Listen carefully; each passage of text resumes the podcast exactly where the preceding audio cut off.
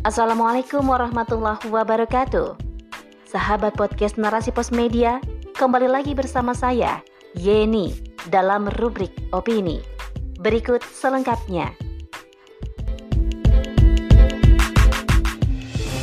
Nikah dini merebak di masa pandemi, komplikasi atau solusi oleh Nur Jamilah SPDI. Dispensasi nikah menjadi tren di masa pandemi ini. Jumlahnya semakin meningkat seiring dengan pandemi yang semakin berkepanjangan. Nikah dini masih dianggap problem akut oleh sebagian kalangan karena menimbulkan bahaya dan mengancam hak anak. Berbagai upaya dan seperangkat aturan diberlakukan demi melarang nikah dini. Namun, semakin dicegah, angkanya justru semakin meroket.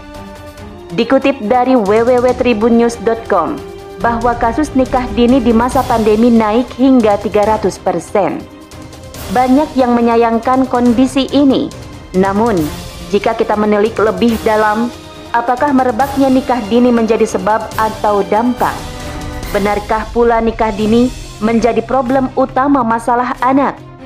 Ada apa di balik propaganda pencegahan nikah dini? Nikah dini atau perkawinan anak merupakan pernikahan dengan batas usia di bawah 19 tahun. Ini merujuk pada Undang-Undang Perkawinan Nomor 16 Tahun 2019 yang berlaku sejak 15 Oktober 2019 pada pasal 1 ayat 1 menyebutkan bahwa pernikahan hanya diizinkan pada laki-laki dan perempuan yang berusia 19 tahun.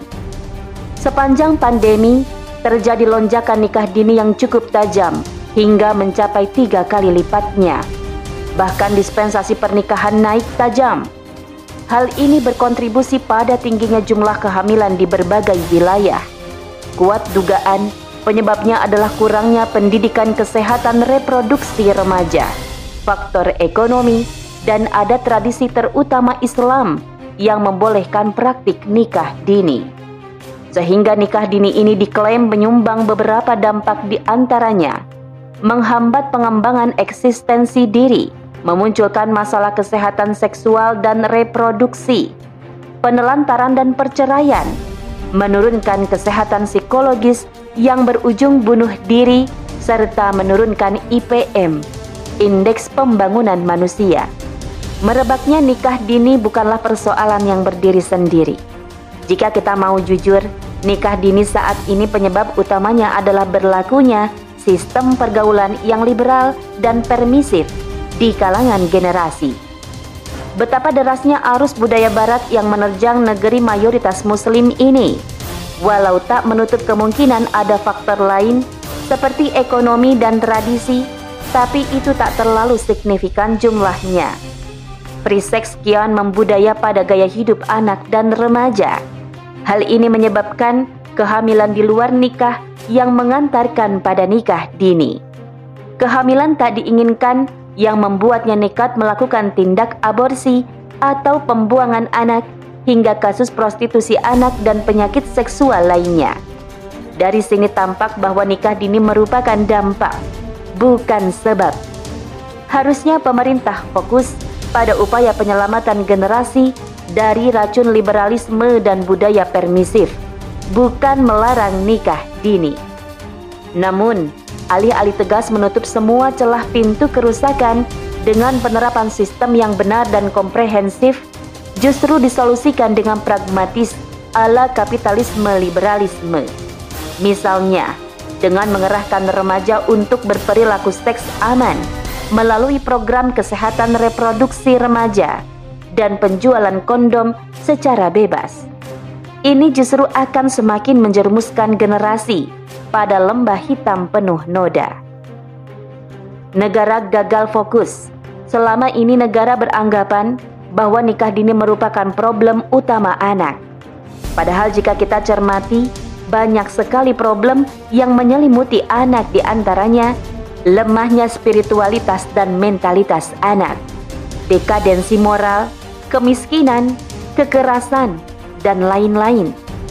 Problem anak ini bukanlah persoalan teknis semata, akan tetapi persoalan sistemis. karena melibatkan banyak aspek di dalamnya.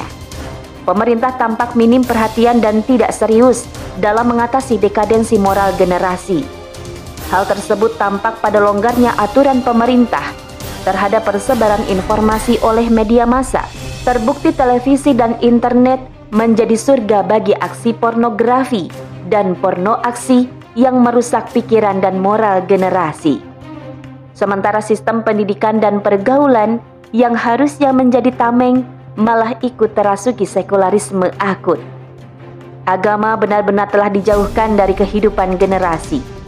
Maka model generasi apakah yang akan terbentuk?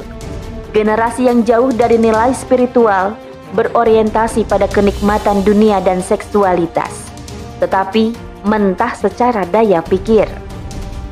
Sistem hukum yang berlaku pun tak menimbulkan efek jerah pada pelaku perzinaan, penyimpangan, dan kekerasan seksual. Bahkan seks bebas dan LGBT tidak dipandang sebagai sebuah kejahatan, sehingga dimaklumi sebagai sebuah kewajaran dari kenakalan remaja biasa. Bahkan, sistem ekonomi pun tak luput dari sumbangsihnya dalam menambah pelik problem generasi Kejamnya kehidupan di bawah sistem ekonomi kapitalisme memaksa para ibu yang notabene umun warobatul bait dan madrasatul ula justru sibuk berjibaku mencari sesuap nasi atau bahkan mengejar karir sehingga terenggutlah fungsi pengasuhan dan pendidikan anak oleh ibunya. Para ibu kehilangan kesempatan emas untuk menemani dan mengarahkan tumbuh kembang anak sehingga gagal membentuk generasi tangguh. Bukan hanya itu, saat ini hak anak jauh sekali dari harapan. Hak tumbuh kembang, hak nafkah, hak pendidikan, dan hak jaminan keamanan gagal diberikan negara pada anak-anak di negeri ini. Sungguh kerdil dan picik jika nikah dini dijadikan kambing hitam dari kegagalan pengurusan negara terhadap anak. Kesalahan pemerintah dalam mendudukan masalah anak disebabkan cara pandang sekuler dan liberal serta sistem kapitalisme yang diterapkan di negeri ini. Ini merupakan proyek raksasa negara adidaya terhadap negara-negara berkembang yang sebagian besar mayoritas penduduknya muslim. Oleh karena itu, yang menjadi basis rujukan Indonesia dalam menyolusikan permasalahan perkawinan anak adalah undang-undang atau perjanjian internasional. Tak jarang aturan itu berbenturan dengan syariat Islam, bahkan mengkriminalisasinya setelah kapitalisme berhasil meluluh lantakkan seluruh sendi-sendi institusi Islam. Keluarga sebagai benteng pertahanan terakhir penjaga peradaban Islam kini diincar untuk kembali dihancurkan dengan cara meliberalisasi keluarga. Efeknya generasi akan hancur berkeping-keping. Negeri ini selamanya tidak akan pernah tuntas dan benar dalam menyolusikan berbagai permasalahan selama masih mempertahankan sistem sekularisme kapitalisme sebagai ideologi. Oleh karena itu, perlu perubahan fundamental dan sistemis. Persoalan mendasar dari nikah dini yang kerap kali dipermasalahkan bermula dari pendefinisian terhadap istilah anak. Ada intervensi global yang sengaja dirancang untuk membenturkan antara definisi barat dengan definisi Islam. Seseorang, baik laki-laki maupun perempuan, yang belum menunjukkan tanda-tanda balik disebut anak. Tanda balik pada perempuan adalah dengan datangnya darah haid Sementara untuk laki-laki dengan mimpi basah. Kalaupun tidak muncul tanda umum itu, maka ketika usia sudah menginjak 15 tahun dapat dipastikan dia sudah balik. Mereka bertanggung jawab atas dirinya sendiri, bahkan juga kepada masyarakat dan negara. Kalaupun terjadi permasalahan sebagai buntut dari nikah dini, itu lebih karena penurunan kualitas generasi bukan semata kesalahan konsep nikah dini. Mengapa di usia balik yang seharusnya telah matang dalam daya pikir dan siap diterjunkan demi kemajuan masyarakat dan negara justru tidak dewasa dan senang berfoya-foya.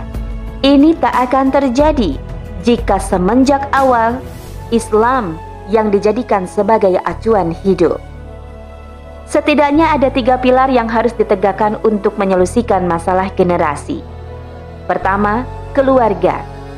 Di sini kewajiban nafkah, pengasuhan, pendidikan, dan perlindungan dari orang tua kepada anak dijamin pemenuhannya. Keluarga berfungsi sebagai pilar pertama penjagaan generasi. Kedua, masyarakat. Melalui penerapan hukum-hukum muamalah yang menyangkut sistem pergaulan, sistem ekonomi, sistem hukum dan persangsian. Kewajiban yang telah membudaya yaitu tradisi amar ma'ruf nahi munkar antar anggota masyarakat. Berikut juga muhasabah lil hukam atau mengoreksi penguasa. Ketiga, negara. Sebagai pengurus utama dan benteng penjaga penerapan aturan Islam kafah yang berparadigma penyelamatan generasi. Anak dipandang sebagai aset keluarga dan peradaban pengurusannya berdimensi duniawiyah dan ruhiyah. Generasi Islam tampil sebagai pilar peradaban cemerlang selama 13 abad. Sebagaimana firman Allah Subhanahu wa taala dalam surat Al-Imran ayat 110. Kalian adalah umat terbaik yang dilahirkan untuk manusia, menyuruh kepada yang ma'ruf, mencegah dari yang mungkar, dan beriman kepada Allah jika penyelesaian permasalahan anak mendapat dukungan penuh dari sistem, yakni aturan Islam yang diterapkan oleh institusi negara, yakni khilafah, tak ayal, khilafah akan menjadi ro'in, pengurus dan junnah bagi rakyatnya. Persoalan nikah dini selayaknya dipandang dengan paradigma yang benar, sehingga terhindar dari cara pandang pragmatis dalam kungkungan propaganda barat yang cenderung menyerang syariat Islam.